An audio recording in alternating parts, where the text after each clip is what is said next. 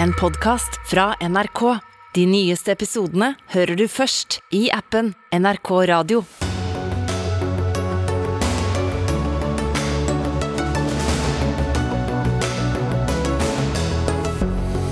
I går var det ikke mulig å sende afghanere ut av Norge pga. sikkerhetssituasjonen i landet. I dag er det annerledes, ifølge Utlendingsnemnda. Lang behandlingstid gjør at studenter nå må gå opptil 16 uker uten studiestøtte. Mens norske OL-utøvere venter i spenning på koronatestresultater, kommer også spørsmålet opp bør vinterlekene i Beijing utsettes. Og bare definerte kvinner skal få bestemme hva kvinnedagen skal handle om, mener 8. mars-komiteen i hovedstaden. Hvorfor skal kvinnebevegelsen være smålig og ekskluderende, sukker feminist.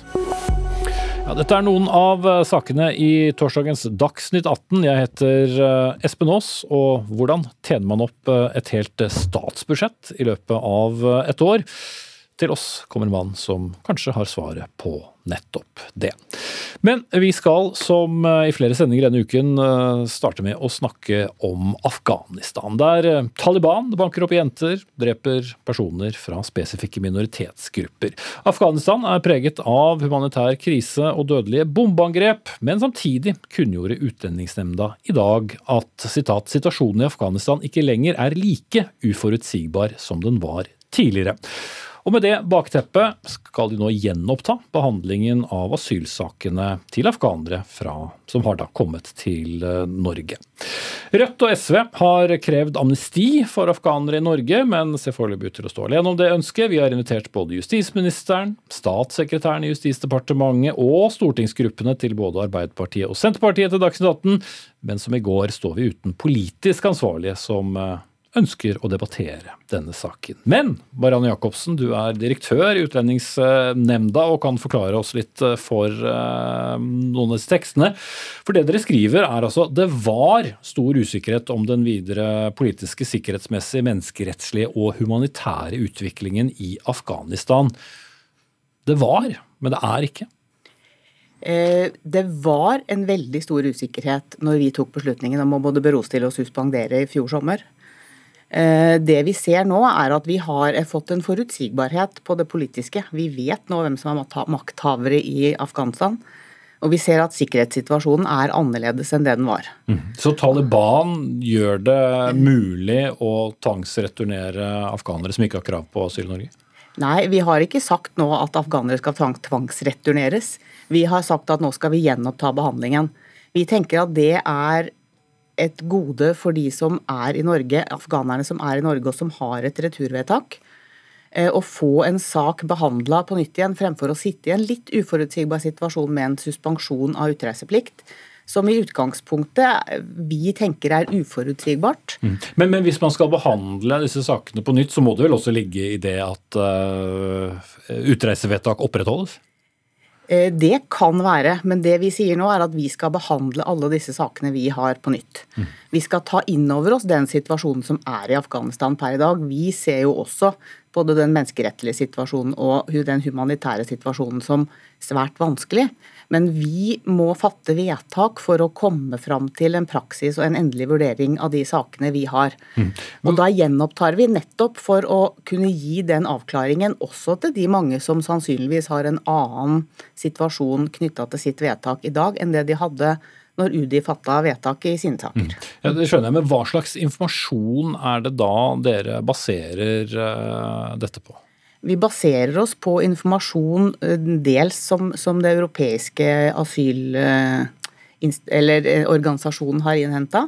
Og vi jobber jo fortsatt med å innhente informasjon som skal benyttes i de konkrete sakene. Mm. Vi går igjennom nå med tanke på hva må vi vite om de etniske gruppene, hva må vi vite knytta til de sårbare gruppene.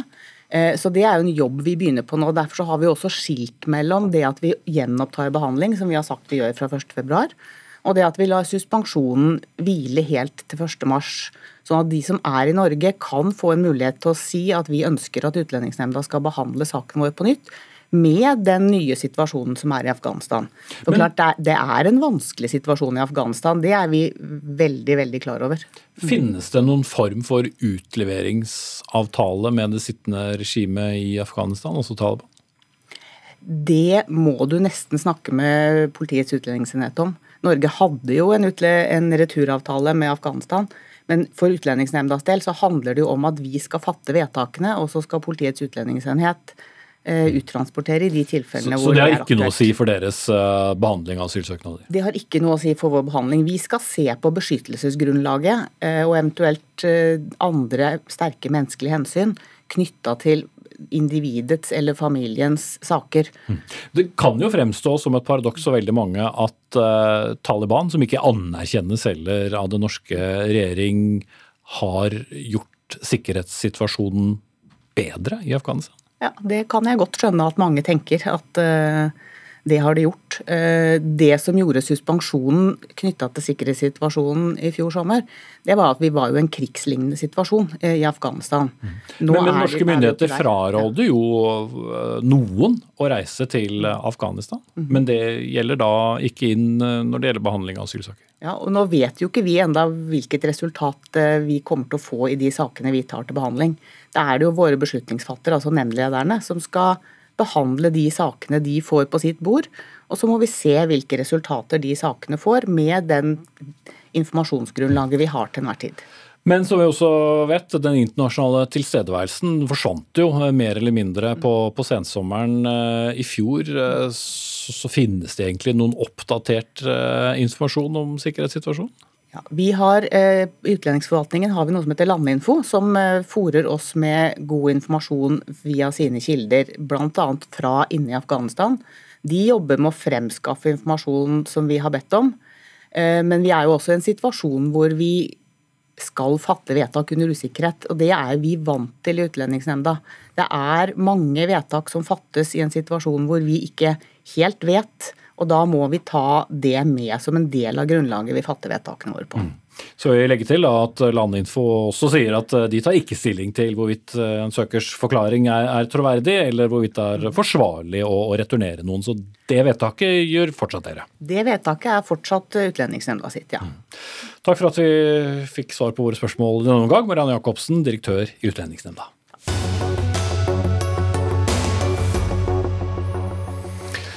1500 studenter står i klagekø etter avslag om støtte fra Lånekassen. I mange tilfeller skal det ikke mer til enn en litt sen eksamenssensur eller feilberegning av studiepoeng, og vips så står studenter overfor 12-16 ukers behandlingstid uten støtte. Det var studentavisen Universitas som først meldte om saken. Og Hedda Gjerpåsen, student i språkvitenskap ved Universitetet i Oslo.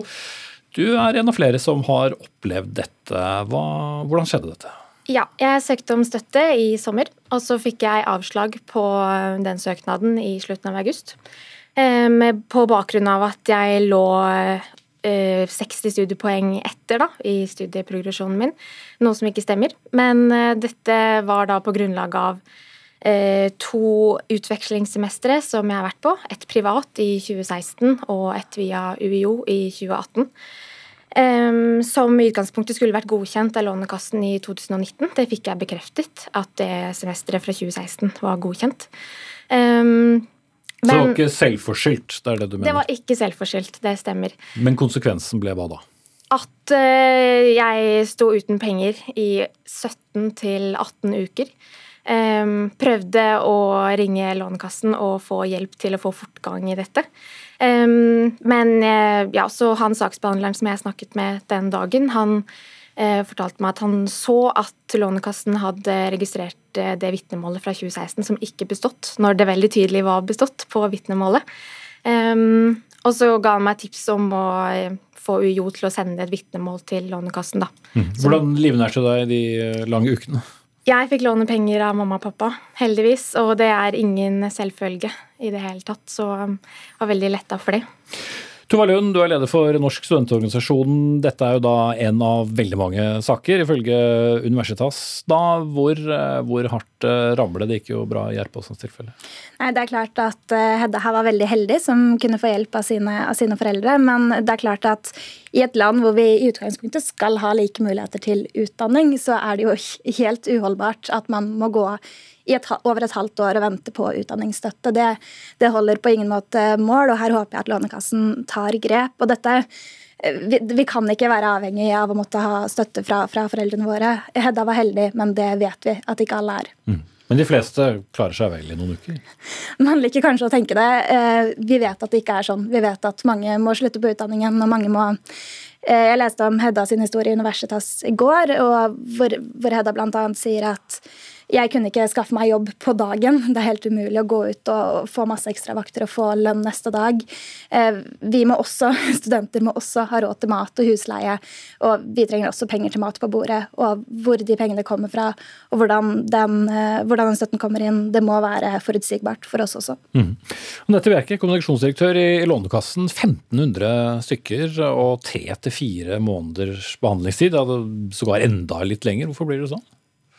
Nei, altså Vi skal jo gjøre utdanning mulig, og her eh, hadde vi jo risikert å ikke klare å gjøre den eh, jobben. Eh, vi får jo inn 600 000 søknader i løpet av året. Og behandler de aller, aller fleste sånn at de får penger i løpet av noen få dager.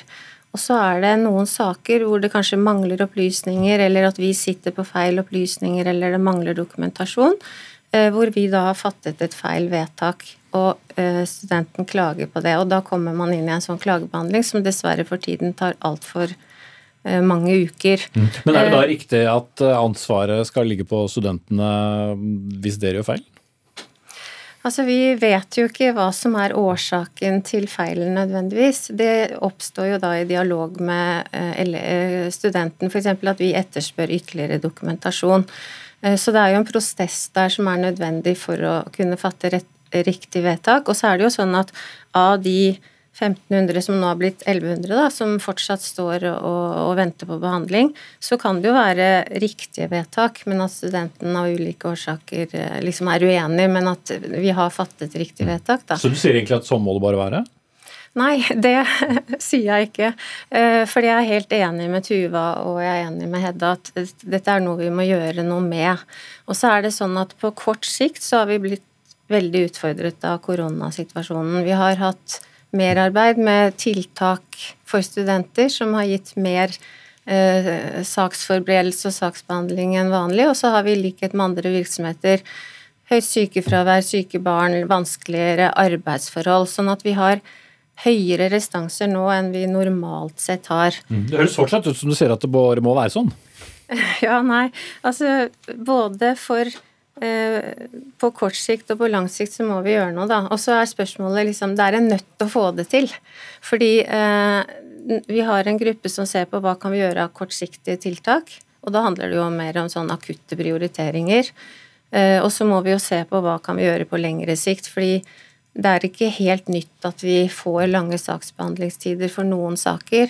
Det, det, med høysesong som forplanter seg utover i året, det, det, har vi erfart før mm. også, så vi må gjøre noe med det. Ja, altså Det er jo, det er jo kriterier da, for hvor mye støtte du skal få. Sånn, sånn fungerer jo Lånekassen og har jo alltid fungert. det. Men hva skulle de ellers gjort da, Tuva Lund? Skulle man utbetalt pengene først, og så heller trukket denne tilbake? Jeg tenker jo at det vil være bedre enn å risikere at eh, studenter er nødt til å hoppe av utdanningen, og at man ikke, ikke har penger. Vi vet jo at vi ikke har eh, rett på dagpenger og de tingene der gjennom Nav heller. så man står på bar bakke når man står uten den støtten man har regna med. Mm. Og så tenker jeg at eh, Det kan godt hende man kan peke på og snakke om prosesser og manglende opplysninger, men det vi må, det vi må huske på i denne type saker, er at det er studentene, det er Hedda og de 1500 andre det sto om i Universitas, som lever i usikkerheten, og som, som blir taperne i det systemet blir for stort og dokumentasjonen kanskje ikke har kommet riktig inn, der studentene har gjort eh, for det meste alt riktig, og det er vi som står igjen med usikkerheten. Men er det helt tatt praktisk mulig å skulle utbetale penger til en person hvis søknad om studiestøtte ikke er ferdigbehandlet? Kan dere helt tatt gjøre det? Altså Per i dag tror jeg ikke vi har anledning til det, men jeg syns det er en spennende tanke. Og vi har også uh, vurdert liksom i, med, på sånn veldig lang sikt om det går an å innrette ut studielånssøkprosessen annerledes, sånn at man kanskje får en sånn tillitsbasert løsning hvor man ettergodkjenner. Men det er liksom det er ikke noe som løser situasjonen her og nå. Nei, for nå har du likevel et etterslep, og så sier du samtidig at man må sette inn ressurser for å gjøre noe med det, men uh, da biter man seg vel egentlig i halen. Fortsatt er jeg litt nysgjerrig på hvordan dere skal effektivisere dette. Nei, altså På kort sikt så må vi se på litt tøffere prioriteringer av hva vi bruker de mannskapene vi har til rådighet til, så vi får unna de mest kritiske køene. Mm. Uh, og så på lengre sikt så er det flere grep man må ta, som jeg ikke klarer å liksom svare på over bordet her nå. Mm. Men hva er rådet ditt da til, uh, til studenter? For som sikkert både Tuva Lund og Hedda Gjerposten vil si, så er det ganske ekstraordinære omstendigheter å være studenten også, både hva jobb og økonomi angår. Så hva er rådet? Eh, rådet til de som da er så uheldige å komme i denne køen, er jo å, å, ta kontakt med oss hvis eh, det er noen opplysninger de mener ikke stemmer, sånn som Hedda gjorde.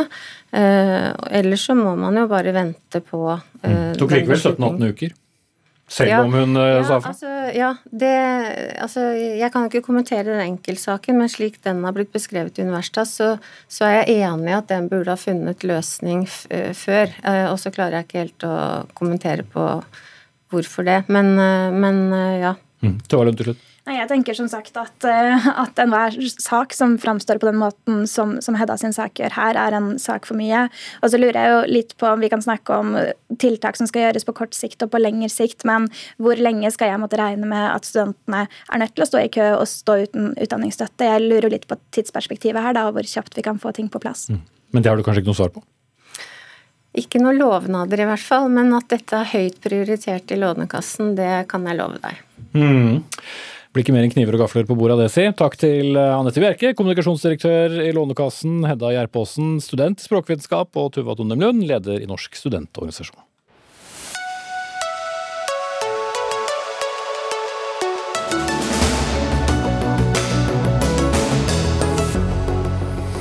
Du lytter til Dagsnytt 18. Klokken er 17 minutter over seks. Litt senere i sendingen, en ny studie fant ingen tegn på direkte utenlandsk påvirkning av fjorårets stortingsvalg her hjemme. Men det betyr ikke at ikke stater eller andre aktører forsøkte seg, ifølge en forsker som kommer til oss. Men nå, det å drifte Norge i 2022, det koster 1576 milliarder kroner, ifølge regjeringens forslag til statsbudsjett. Og omtrent Akkurat det beløpet var avkastningen til oljefondet, eller Statens pensjonsfond utland, i fjor. Dette er den nest høyeste avkastningen i fondets historie, målt i rene kroner.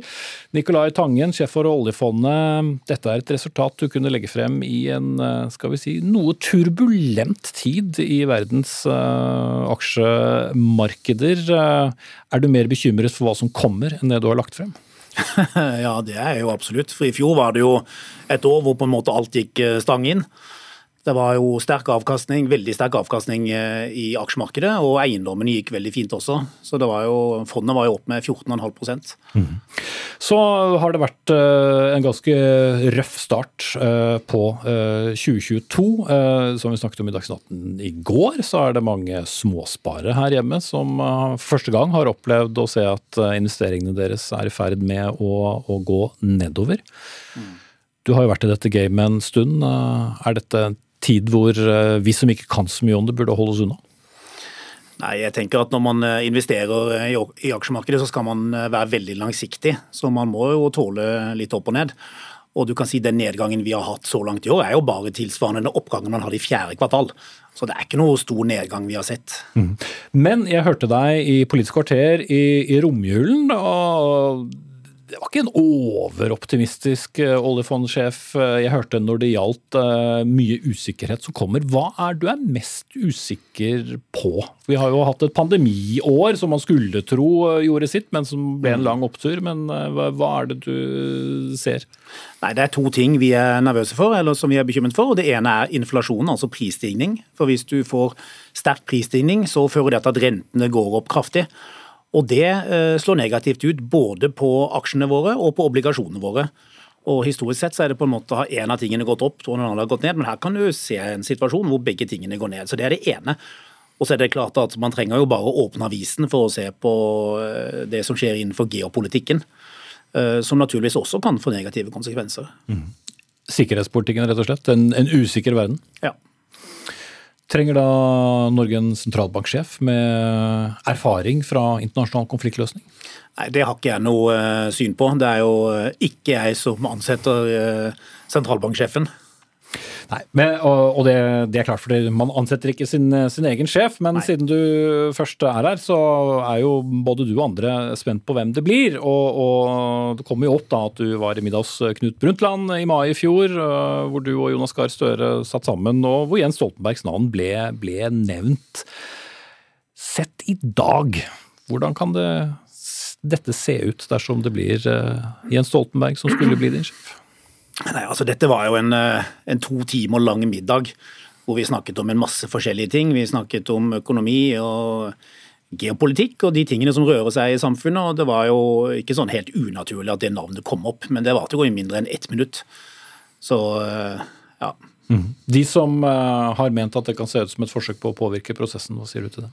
Nei, Det er helt fullstendig feil. Jeg har ikke forsøkt å påvirke noe som helst, og har jo heller ingen påvirkning, eh, påvirkning i den prosessen. Mm.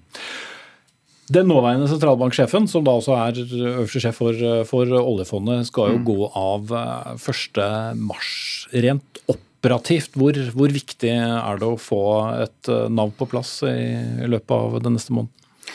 Nei, Det har egentlig ikke jeg så veldig sterkt syn på. Altså, Vi i oljefondet jobber jo ganske selvstendig. Det er klart at eh, Olsen er jo sjefen vår, så jeg rapporterer jo til han som, som styreformann. Men det er jo veldig mange flinke mennesker i Norges Bank. Uh, virkelig, altså. Mm. Men som uh, investorer uh, ute i verden uh, ikke liker usikkerhet, så er det vel godt å, å få på plass et navn også for dere som, som styrer vår store oljeformue? alltid godt å ha en sjef. Og jeg har jo jobbet veldig fint med Øystein Olsen siden jeg begynte for halvannet år siden. og jeg er ganske sikker på at jeg skal kunne jobbe veldig fint med den neste sentralbanksjefen, uansett hvem det blir. Mm. Og det er jo to veldig fine kandidater, da. Mm. Så det er ikke så farlig for deg hvem som blir sjef? Jeg kan jobbe veldig fint med begge to, håper jeg. Mm.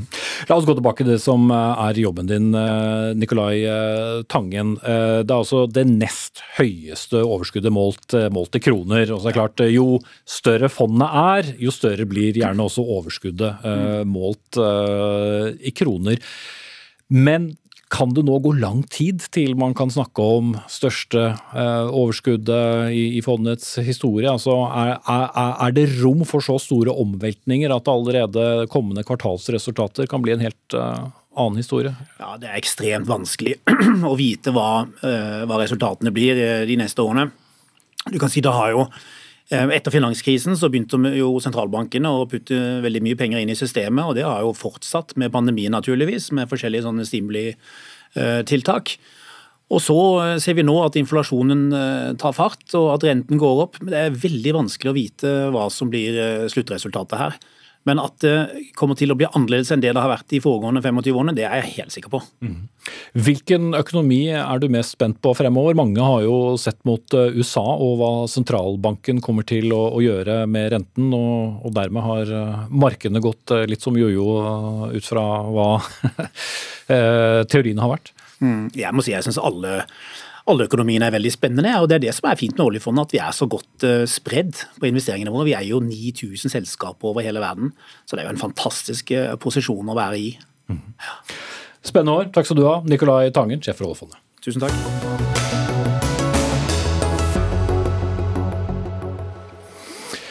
Mens eh, norske OL-utøvere venter i spenning på resultatene fra sine koronatester, stiller vi nå spørsmålet burde vinterlekene i Beijing eh, utsettes? For det kan jo se ut som det kan bli en god gammeldags floke smittemessig, i hvert fall. For idrettsgleden kommer fort i skyggen av snakk om pandemi, munnbind, test og en evig tilstedeværende smittefrykt. To av de norske OL-uttatte lekene i Beijing og én trener er smittet, og det setter naturlig nok sitt preg på den norske troppen, og stadig flere stiller seg altså spørsmålet om hvorvidt det burde vært eh, utsatt. Men eh, Tore Øvrebø, toppidrettssjef, du sa til Dagsrevyen i går at eh, dette er ikke en diskusjon dere engang bruker noe energi på å, å snakke om nå, altså en utsettelse. Men kunne ikke en nasjon som Norge tatt en, gått foran i en sånn debatt? Ja, jeg bruker jo litt energi på det. Jeg er jo her, da, for å snakke om det. Eh, hvis vi eh, skulle hatt en sånn debatt, så måtte den ligget ganske mange måneder siden. Og så er det jo sånn at eh, i november f.eks. så visste vi veldig lite om omikron. Og det er jo denne nye varianten som har gjort at eh, smittetallene har blitt så voldsomme i Norge, og at smittefrykten er blitt så stor. Så det er litt sånne historiske forutsetninger for å gjøre at det ikke var på sin plass å ta den diskusjonen den gangen. Og nå er vi kommet altfor nær til at det er noe vits å, å, tenke på det. Nå blir det leker, og da skal vi gjøre det beste ut av det. Mm. Men jeg må jo si at du nevner de to utøverne som er smitta, og trenere som er smitta. Vi, vi, tenker mye på de, og vi skjønner at det er en vanskelig situasjon og svært krevende mentalt. Så, men at det skal fører til at vi burde ha utsatt lekene på kort varsel. Det er jeg ikke enig i. Og jeg tror at eh, det mannefallet som du antyder, det tror jeg ikke blir så stort. Det er veldig lite signaler internasjonalt for at det er mange utøvere som er testa. Så jeg har stor tro på at de startfeltene som blir i i Beijing. Det blir bra startfelter, det blir flotte konkurranser. Og okay. Når du først er kommet på plass i bobla, så tror jeg at eh, smittefaren er lavere der enn de aller aller fleste steder. Så det er bare å komme gjennom denne uka og komme seg inn i bobla i Beijing. Okay. Så, så stilner dette fort. Alle er ikke like positive i sitt syn på, på fremtiden. Daniel Rød Johansen, du er sportskommentator i Aftenposten. OL kan, kan bli en parodi, skrev du. Hva, hva legger du i det? Det henger jo alvorlige menneskerettighetsspørsmål over disse lekene. Det blir tomme tribuner, og nå ser vi hvordan drømmer knuses over natten. De internasjonale idrettstoppene i IOC liker å si at utøverne er viktigst. Men hvis de virkelig mente det, eh, så ville de ikke satt utøverne i denne situasjonen der eh, flaks eller uflaks med tanke på smitte kan bli vel så avgjørende som det som skjer eh, ute i løypene. Ja, Her var det jo mange ting, eh, ting på, på en gang. Hvis vi holder oss bare til det som er eh, det store samtaleemnet nå om dagen, nemlig smittesituasjonen. Her, her, endrer jo bildet seg nesten eh, dag for dag. Ville det ikke vært dramatisk å plutselig skulle avlyse leker eller trekke seg fra lekene så tett opp til? Man har jo sett nå i en halvannen måneds tid hvordan den nye varianten har endret spillereglene. Og Hvis man hadde satt utøverne først, så kunne man jo utsatt disse lekene i ett år. Eh, selv om det selvfølgelig ville blitt eh, praktiske utfordringer knyttet til det. Eh, så kan man spørre seg hvorfor de ikke er utsatt. og Hvis du ser det fra IOCs perspektiv, så vil jo de få pengene sine så lenge disse konkurransene vises på TV. For myndighetene i Beijing er det stor prestisje å få arrangert dette midt i, midt i en pandemi. Og Da er det jo noen utøvere, eh, så får vi se hvor mange det blir, som må betale prisen for det. Mm. Ja, Dette må du nesten da svare på, Øvrebø. Er det, er det utøverne som, eh, som, det legges minst uh, vekt på her? Og, og storkapital og, og toppsjefer som, og, og rettigheter, ikke minst, som går først? Ja, Nå blir det jo veldig mange hypotetiske elendigheter på en gang her, så det vet jeg ikke om jeg skal forholde meg så uh, Nei, men hvis vi forholder oss til det siste, da, med at utøverne står litt sist i, i, rekken, og at nå har vi kommet så langt at nå handler det mest om uh, å, få, få, få, få, de inntektene og TV-rettighetene på plass, eller i gang? Jeg er, helt, jeg er helt uenig i at utøverne står sist i rekken. Altså, de blir godt tatt vare på. Jeg tror ikke det blir så stort mannefall som, som Daniel antyder. Eh, dette blir flotte leker.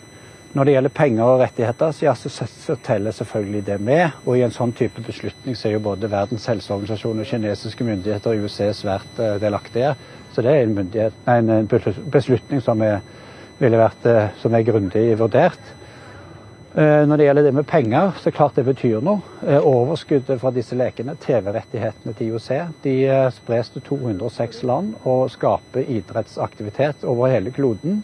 Og de, det er ca. 2,5 million dollar i døgnet som fordeles til, til, idrett rundt omkring i verden. Så det er jo klart at dette betyr noe også for resten, og for breddeidretten og for utvikling av idretten over hele verden. Mm. Så pengene er jo ikke noe sånn overskuddspenger som havner i noen rike menneskers lommer. Det er penger som distribueres og brukes til idrett. Mm. Så utøverne er absolutt i sentrum i dette økosystemet. Mm. Så ja, Daniel, det er mener at Daniel tar feil. Ja, Daniel uh, Rød Johansen, uh, det ville jo bare blitt en tap-tap for alle hvis man hadde utsatt det nå? Ja, Tap vil det uansett bli på noe vis, men uh, det blir en vurdering da opp mot uh, hva som er best for uh, utøverne. Uh, og Når idrettshoppene skal snakke så mye om at utøverne er viktigst, så syns jeg de burde prioritere utøverne i større grad. og det, jeg, jeg ser ikke for meg at den uforutsigbarheten som rammer både den norske læreren, men også andre lærere nå rett før OL, er noe utøverne ser seg tjent med. Mm. Og Så vil det jo sikkert bli gode, et bra OL med fine idrettsøyeblikk også, men det er litt synd at utøverne igjen kommer dårligst ut. Mm. Fall er det en del usikkerhet. En uh, ubehagelig situasjon har Therese Johaug uh, uttalt seg når det gjelder smitteutbruddene, og selv lurer hun litt på om hun kommer seg til Kina. Øvrebø, hva skjer hvis flere av utøverne nå blir smittet i forkant eller under oppholdet i, i Beijing? Altså rent operativt, hvordan forholder dere dere til eventuelle smitteutbrudd blant våre fremste utøvere? Dette er nøye regulert i noe som vi kaller for playbook, som er utarbeidet av eh, IOC og, og arrangementskomiteen. Så der er det klare rutiner for hvordan det blir håndtert. Og det er noen skiller da gjennom eh, hvis man er smitt, altså tester positivt, men ikke har symptomer. Så går man i eh, karantene i leiren, isolasjon inne i, inne i leiren. Og hvis man har symptomer, så, så blir man tatt eh, til sykehus og blir behandlet der på på en OK måte. Og, og vi, vi, har jo hørt at de fasilitetene som ble brukt eh, tidligere på andre siden av jul, at det var veldig lav kvalitet. Men det har virkelig forbedret seg. Så, så det er et system som skal ta seg av de og isolere de som da er smitta fra de som ikke er smitta, for å holde smittetallene nede. og og de skal bli godt tatt vare på, sånn at de eventuelt kan komme tilbake til lekene hvis de tester negativt etter en stund. Mm. Eller så må de reise hjem fra, fra lekene hvis de er, fortsatt er syke. Mm. Og Vi har jo også vurder, helsemessige vurderinger. Hvis man har fått uh, symptomer og har vært ordentlig syk, så er det jo ikke bare å hive seg tilbake i konkurransen igjen heller. Da vil det jo være medisinske vurderinger som ligger bak eh, hvilke handlinger som blir, eller hvilke, mm. hvilke valg som blir gjort. Ok. Fredrik eh, Aukland, langrennsekspert for, for, NRK. Du er på norgescup i langrenn på Gjøvik. Dette smitteutbruddet i den norske langrennstroppen som har trent i høyden i Italia, hvor, hvor alvorlig vurderer du det? Det er en situasjon som vi aldri har sett lignende før. Vi har kanskje noe av våre største OL-håp til å ta medaljer, og også gullmedaljer, eh, står nå i en situasjon hvor de ser fra dag til dag om de får lov til å delta i OL i det hele tatt. Det er eh, stor usikkerhet i eh, troppen. og To av løperne og en av trenerne får da sannsynligvis ikke reise ned. Det gjenstår vel å, å se, men mye tyder på det. og Den usikkerheten har jo bredt seg i skimiljøet. og Det er flere også andre løpere som er satt som reserver. og Det er mange scenarioer som har blitt eh, tatt opp, ulike reisestrategier. og Det gjør nok at noen av våre aller største, stjerner er usikre rett før OL. Og hele poenget med den perioden og det høydeoppholdet de har eh, vært på nå, har nettopp vært å sikre at de skal prestere. og nå kommer da det norske laget inn i OL med en stor usikkerhet. Mm. De to som er smittet, eh, Heidi Weng og Anne Kjersti Kalvå, har fortsatt håp om å rekke deler av OL. Eh, er du optimist på deres vegne? Jeg er dessverre ikke det. Eh, I Italia er det ti dagers isolasjon på et eh, rom. Det er ingen optimal eh, forberedelse. I tillegg er det en rekke restriksjoner for å komme inn i lekene i Kina som de skal oppfylle, bl.a. med negative PCR-tester. Det er ingen garanti for at de rekker det. Og så er det et mesterskap. Det minner om at det går i høyde. Det går i en annen tidssone. Og dette er OL, her skal man være på sitt beste. Og jeg tror den oppladningen de får, selv om de eventuelt vil rekke det, vil være svært uheldig. Så jeg tenker det ville vært fornuftig å sendt eh, allerede nå en reserve som Ragnhild Haga ned for å erstatte en av de i hvert fall. Uh, slik at eh, vi kan forberede de, de, åtte løperne som vi har lov til å sende, på best mulig måte. Mm.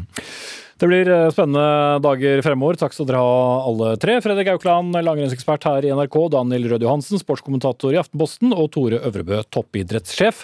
Og hvis man vil, da, så kan man jo ha et lite tankeeksperiment i disse dager. 2021-OL var jo det OL som det ble vurdert at Norge skulle søke på. Vi får kanskje være glad at det ikke ble helt slik.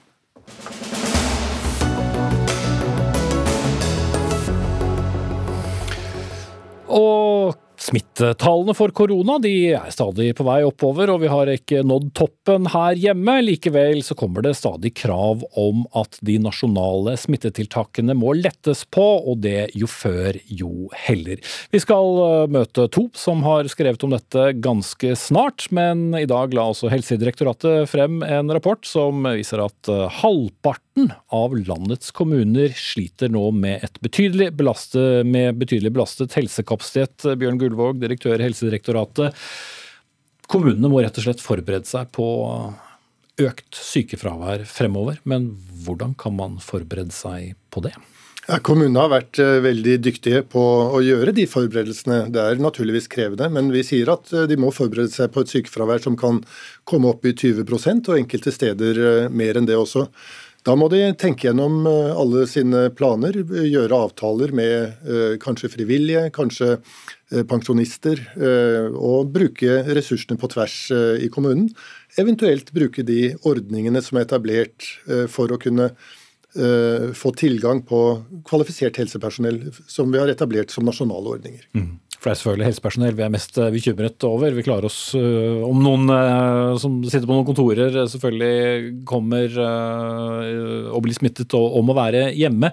Men nettopp fordi smitten øker så raskt, og det er vanskelig å si når toppen kommer og hvor stor den eh, er, så er det vel ikke mulig å forberede seg på dette? De gjør en fin jobb med å forberede seg, men det er klart det blir krevende i de neste ukene. Eh, men så er det jo sånn at hvis vi skyver dette eh, fremover i tid, så vil vi fremdeles få veldig mange som blir smittet før vi kommer ut i mai. Vi kan få en litt flatere kurve, og det er det vi Eh, anbefaler at eh, regjeringen gjør. Altså ikke, ikke får den absolutte høyeste spissen vi kan få, men at vi forsøker å, å få en noe flatere kurve, slik at eh, ikke veldig mange men ja, det kommer til å bli veldig mange, men ikke altfor mange blir smittet samtidig. Mm. Men jeg vil understreke at dette går ikke bare utover eh, helse. Det vil være skoler og barnehager som uh, har uh, veldig krevende arbeidsforhold, og også en god del andre kritiske samfunnsfunksjoner som kan komme i press i en uh, slik situasjon. Men til tross for dette, og det er vel egentlig da poenget, så er anbefalingen at det må åpnes opp. Alle skal jo mer eller mindre nå måtte regne med å, å bli smittet, i hvert fall av omikron-varianten, som de færreste blir veldig syke av. Så noen flere restriksjoner er det ingen som anbefaler nå. Ja, Det kommer litt an på hva du mener med flere. Altså, vi ønsker, vi strengere, da. Nei, Vi tror ikke vi nå skal gå til et strengere trinn. Vi tror det er åpent uh, for å uh, gå videre med en uh, lettelse av disse tiltakene på en del områder. Men vi tror samtidig at det er nødvendig med å ha noe tiltak, slik at vi ikke får en altfor spiss smittekurve samtidig. Mm. Men, men, dette handler jo da om at omikron er en mildere variant av sykdommen, og sånn sett er det også litt gunstig uh, at vi nå er i en situasjon at vi har, er veldig godt beskyttet med vaksine. Og uh, vi vil også få litt hjelp av å bli smittet med omikron, fordi vi bygger immunitet gjennom både mm. vaksinering og smitte. Ville du gjort som Danmark? Eh, ikke riktig enda, eh, men nå ligger jo de også to uker foran oss eh, i smitteutviklingen. Det jeg tror er at Før vi går til en gjenåpning, så må vi vite omtrent hvor toppen av kurven vil ligge. Og Det er litt for tidlig for oss å si noe om dette akkurat nå, men eh, vi tror at vi når toppen i andre halvdel av februar. Mm. Eva Grende, kommentator i Dagens Næringsliv. Eh, I din kommentar i Dagens Avis så tok du utgangspunkt i nettopp Danmark, da, som nå fjerner alle smittevernrestriksjoner til eh, uken. Og dette koronakonservative Norge, som du beskriver i den samme kommentaren, bør, bør, bør lytte. Bør vi gjøre rett og slett som, som danskene? Ja, Du hørte jo det her. altså Det er én oppfatning som går igjen når det gjelder forskjellen på Norge og Danmark, og det er at vi ligger noen uker, sier, sier noen. To uker, to til tre uker. Og at det gjør at, at, Danmark er et annet sted enn oss. Men uh, på den annen side, Danmark hadde en ny smitterekord i dag på 50 000 personer. De også innrømmer at de ikke har sett helt toppen enda. Sånn at det er jo en litt høyere vilje til risiko. Og du så jo, altså, Statsminister Mette Fredriksen var, var veldig sånn sterk og klar på pressekonferansen i går, da hun sa at tirsdag kan vi åpne og alle restriksjoner blir borte. Det kommer til å bli tøft. Det kommer til å bli en tøff vinter, men, men nå skal vi få tilbake livet vårt. Mm. Så skal det bli betydelige lettelser her, mest sannsynlig fra, fra tirsdag. Ja. Blir det så store forskjeller, da?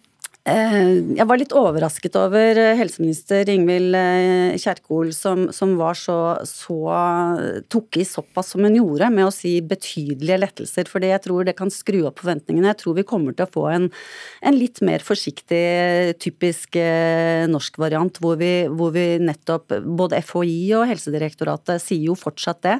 Så det er deres råd at, at man må bevare noen av tiltakene for å styre denne toppen. Mm. Så kan du stille deg bak eh, begrepet betydelige lettelser? Eh, jeg tror det vil være lettelser eh, som vil oppfattes som betydelige. Men det, vi har jo erfaring med at dette vil bli diskutert i etterkant, naturligvis.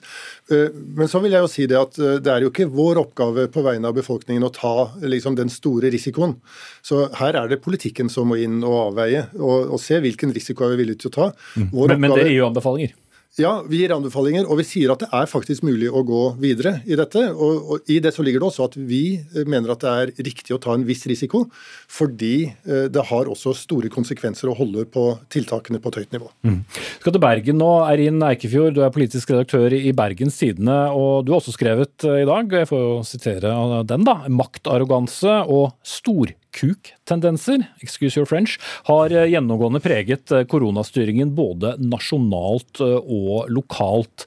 Og Uten å forklare hele bakteppet for akkurat den, den ordbruken, men hvis vi går på det prinsipielle, hva er det du mener har vært for mye av? Den dommen som eh, kom i Gulating lagmannsrett i går, var jo egentlig utgangspunktet for min kommentar. Og den er jo egentlig et knallhardt oppgjør med det smittevernregimet som var i Bergen høsten 2020. Da de eh, innførte en begrensning på fem personer i hvert hjem. Og Det gjorde de uten å begrunne det skikkelig, uten å ha eh, forankring i medisinfaglige råd, uten at det var nødvendig eller tjenlig eller forholdsmessig, eller noe av det som smittevernloven sier at det skal være. Så de strøyker jo egentlig da på alle punkt. Og Min kritikk går jo på at det er helt påfallende hvor inngripende tiltak som ikke blir skikkelig begrunna. Og det handler, at det kanskje handler litt om denne suverene holdningen til sin egen dømmekraft som en del politikere nå utviser. Og det skal begrunnes, og jo strengere tiltakene er, jo større krav stilles til begrunnelsen. En skal ikke akseptere så store inngrep i våre liv uten at vi får en skikkelig forklaring. Eh, så jeg oppfordrer jo både regjeringen og de som styrer Bergen til å lese den dommen grundig, for den sier egentlig veldig innlysende ting, og noe vi har visst i snart to år, men som likevel ikke blir fulgt. Mm. Gende.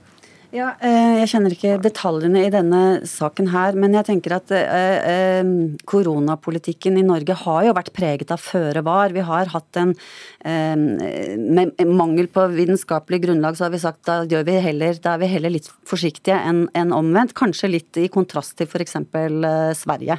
Og det kan jo hende at når, når dette vurderes i ettertid kommer til å bli, som Eikefjord sier her, vurdert som for inngripende med for dårlig grunnlag. På den annen side, skal du vente til du har grunnlaget, så er det også veldig vanskelig i en pandemi. Fordi den, den utvikler seg mens i real time, og det er veldig Hvis man skal vente på å se hvordan den virker, så kan det gå veldig galt i mellomtiden. Mm. Ja, altså Eikefjord, du, er jo selv, du har jo selv juristbakgrunn. Nå er jo dette, gjaldt jo da dette lokale forhold i, i Bergen men likevel at det nådde rettsvesenet. Ser du for at dette er starten på, på noe større når det gjelder eh, måte, etterprøvingen av eh, en del føre-var-tiltak? Jeg vil jo ikke se vekk fra at det er flere av disse koronatiltakene som kommer til retten. og Det tenker jeg er veldig bra. fordi at En er nødt til å teste grensene for maktovergrep og hvilke tiltak myndighetene kan iverksette mot befolkningen. Og Den beste måten å gjøre det er jo å ettergå det nøye og utsette det for en, en rettslig gjennomgang. Og Vi har jo sett noen rettssaker allerede. Det var denne saken her som jeg viser til, som handler om festbøter som ikke ble betalt. Altså, det var to kvinner som, som, fikk bot for å gå på fest i en periode der de ikke fikk lov til å samles eh, flere enn fem personer i eget hjem. Det har vært rettsoppgjør når det er knyttet til hytteforbud eller eh, reiste hytter i Sverige. Og til sammen så vil jo dette gi noen ganske tydelige føringer til myndighetene om på hvilke måter og hvordan de kan gjøre inngrep mot egen befolkning. Og Det er jo problemstillinger som ikke går over med det første, ser det ut som. Mm. Men hensynet til liv og helse er jo det som dere hele tiden viser til, da, Gullvåg? Ja, det skal, det skal være en balansert avveining, og det er helt nødvendig, som er sagt her, at vi går dette i sømmene. Og det er klart, På en del områder så er det viktig at vi ikke går for langt inn i privatlivets uh, fred og, og, eh, er for inngripende i forhold til enkelt, enkeltindivider. Så jeg er helt enig i at uh, her er det nødvendig å være forsiktig, og vi trenger en grundig evaluering av de tiltakene som uh, vi har iverksatt. Mm. Har vi vært litt for føre var? Eh, I noen faser så tror jeg det er riktig å være føre var. Eh, så det er ikke noe i smittevernloven som sier at vi ikke skal kunne være føre var. Men eh, vi skal naturligvis ikke misbruke det. Så det, det, det, er helt sikkert en av de tingene som vi også skal få koronakommisjonen til å se nærmere inn på. Mm. Så må det være dilemmaer. Og da, Eva Grinde, ingen ønsker å være den politikeren som åpner den ene uka og så må smelle igjen døra den neste? Jeg tror det er veldig liten lyst på, på å gå inn for noe som gjør at man må stenge ned igjen. Og det blir jo spennende å se eh, med med Danmark. Men et stikkord her som, som også det er jo, er jo, dette med forholdsmessighet og hvordan man vurderer nå omikron. Er det en samfunnskritisk sykdom eller er det det ikke? For det er jo det som nå ligger til grunn for den danske beslutningen, at de har, ifølge den epidemikommisjonen deres, de, det, det, politikerne følger det og, og, mener nå at det ikke lenger er en, en samfunnskritisk sykdom, og da har man ikke lenger rett til og til disse inngripende tiltakene. Mm. Så det blir jo en sånn vurdering vi må gjøre her òg. Omikron er jo det samme i Danmark og Norge. Mm. Vi venter spent på å se hva disse betydelige lettelsene blir til uh, uken. Takk til Eva Grinde, kommentator i Dagens Næringsliv, politisk redaktør Bergens uh, Tidende, Rina Eikefjord og helsedirektør Bjørn Gullvåg.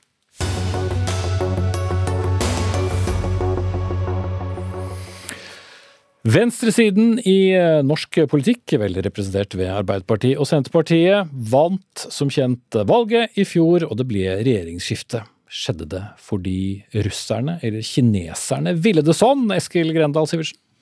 Ja, ifølge våre analyser så er det ingen grunn til å tro det. Men eh, vi fant jo flere eksempler på utenlandske aktører som forsøker å påvirke nordmenn gjennom desinformasjon og manipulasjon på sosiale medier. Mm.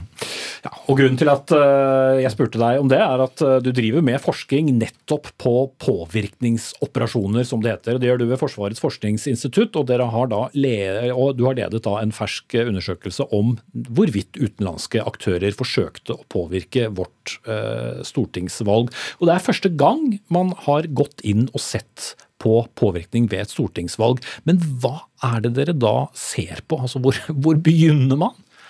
Ja, Det er et godt spørsmål, for det er jo vanskelig. Vi ser jo utgangspunktet etter noe vi ikke helt vet hvordan ser ut, eller hvor det finnes, eller om det i hele tatt finnes. Eh, så vi har, vi har, eh, forsøkt å se etter spredning av desinformasjon, eh, særlig fra Russland og Kina, som E-tjenesten har pekt på som de mest sannsynlige aktørene, statlige aktørene som kan tenkes å ha interesse av å påvirke et norsk valg. Eh, så har vi så sett etter ulike former for det vi kaller inautentisk aktivitet, altså skjult manipulasjonsvirksomhet på, på sosiale medier. Eh, og så har vi også sett på om det har vært en økning i påstander eller bruk av, av ord, lada ord knytta til spekulasjoner om valget kunne ha vært eh, påvirka eller ikke. Mm. Uh, og som vi da opplyste om innledningsvis, så, har de ikke funnet noe bevis på at noen fremmede makter hadde flyttet inn på sosiale medier og gjort noe med det, men bildet er likevel litt sammensatt? Bildet er sammensatt.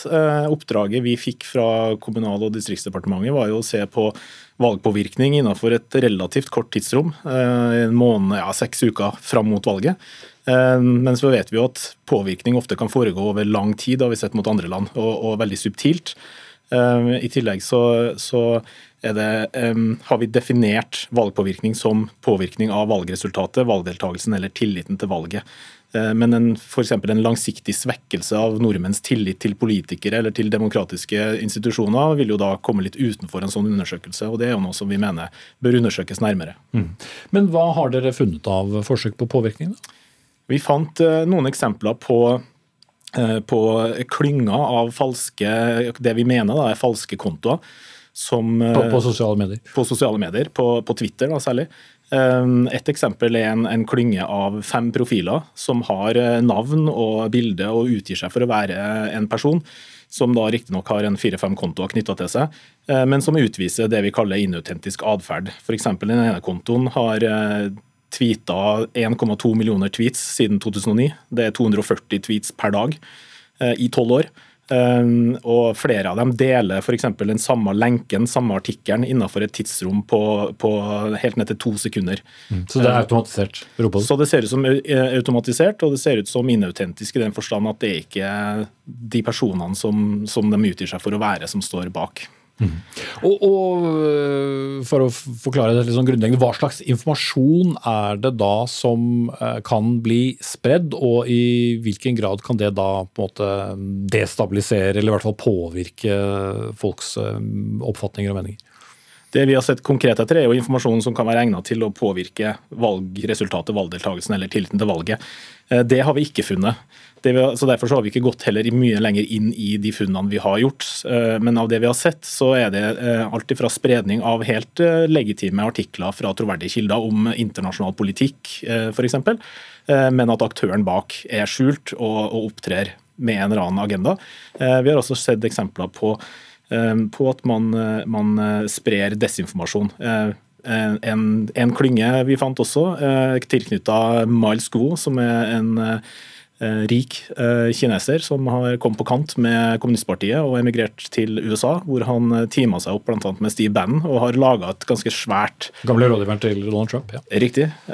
Som har laga et stort nettverk av falske, tusenvis av falske kontoer og et par medieplattformer som, som sprer veldig mye informasjon om desinformasjon om covid-19 og QAnon bl.a. Og Der fant vi et femtitalls kontoer som vi mener er knytta til det nettverket, som sprer den type informasjon på norsk. Mm. Så det er grunn til å være skeptisk? Det er i hvert fall grunn til å, å være ja, skeptisk og, og, og, vurdere det man ser på sosiale medier. Mm. Takk skal du ha, Eskil Grendal Sivertsen ved Forsvarets forskningsinstitutt.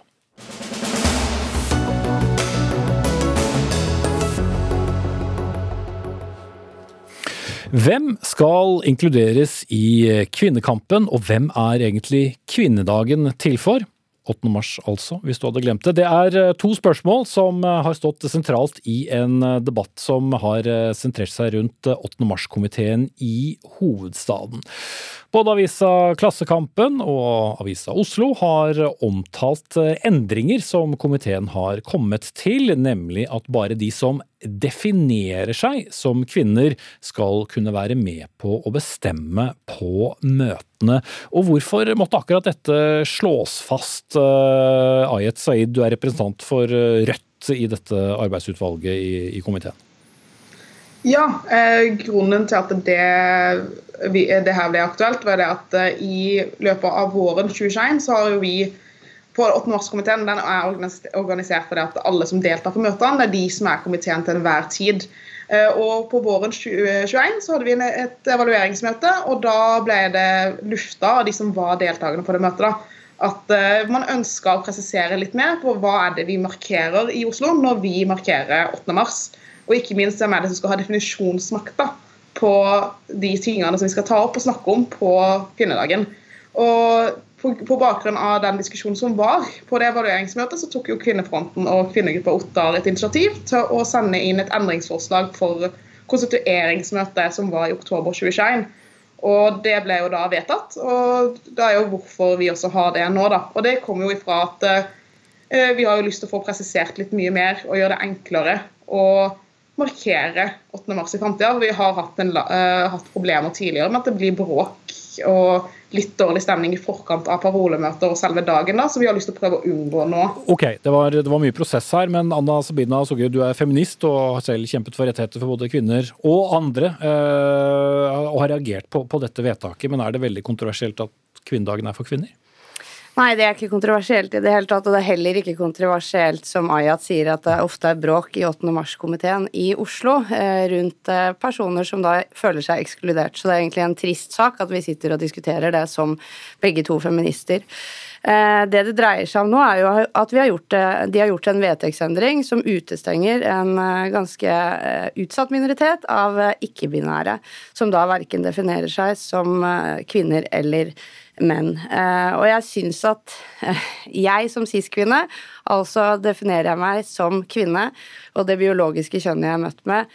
Jeg har raushet nok. Det er ingenting eh, som truer mine rettigheter ved at andre får flere rettigheter. Det dreier seg også om mine venner som i lang tid har deltatt i kvinnekampen, deltatt på samme kamparenaer fordi de har de samme eh, utfordringene og kampsakene som det jeg har. Det dreier seg om mennesker som kan ha livmor, sånn sett ha livmorhalskreft eller endometriose, som vi kaller kvinnelidelser, som vi vet at det forskes for lite på, som er en felles kampsak. Det dreier seg om eh, personer som leses som kvinner av samfunnet, kanskje utsettes for seksuell eh, trakassering. Men, men, men, men, det er vel ikke en sånn generell utestengelse, men det handler om hvem som da skal få være med å, å definere et tog på én dag i én by? Ja, og det, vi er ikke så mange. Og de møtene har vært så ubehagelige å være med på mange ganger at jeg tror ikke vi har noen å miste.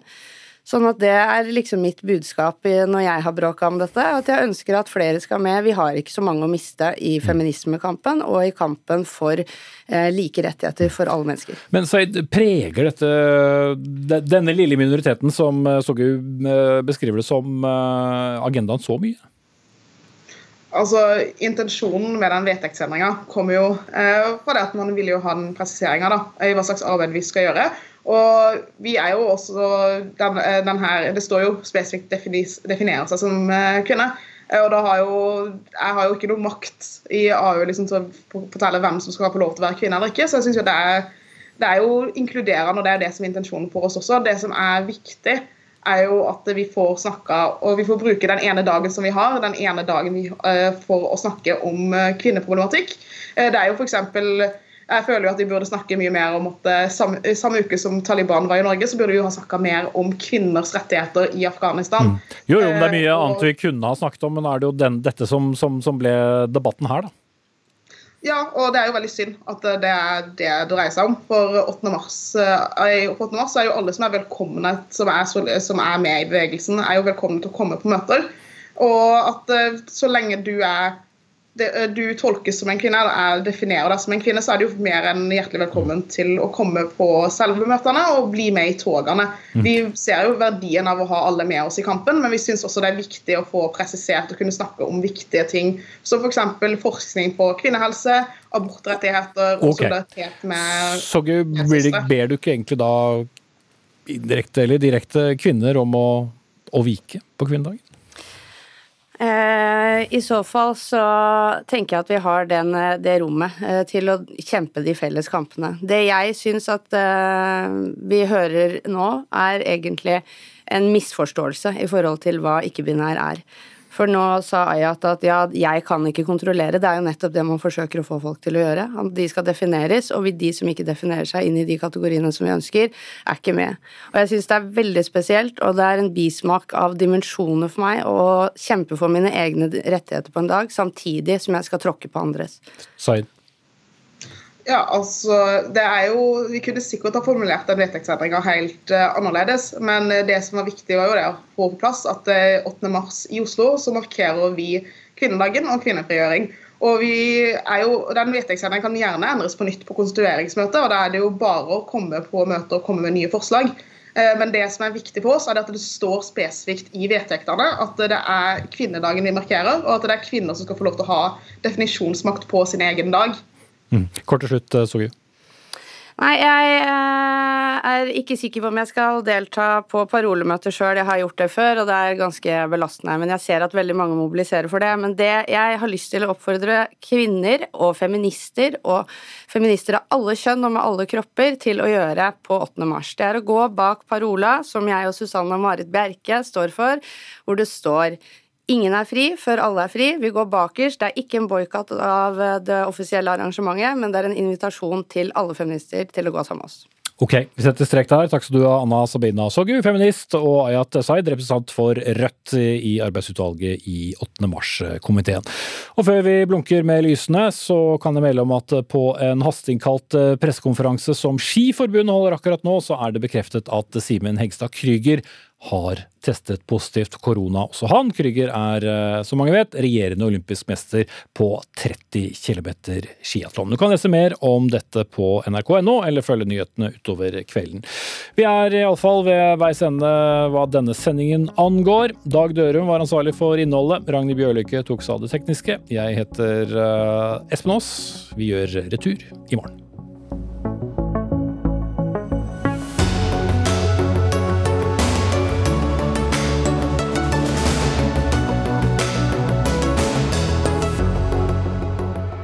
Du har hørt en podkast fra NRK. De nyeste episodene og alle radiokanalene hører du i appen NRK Radio.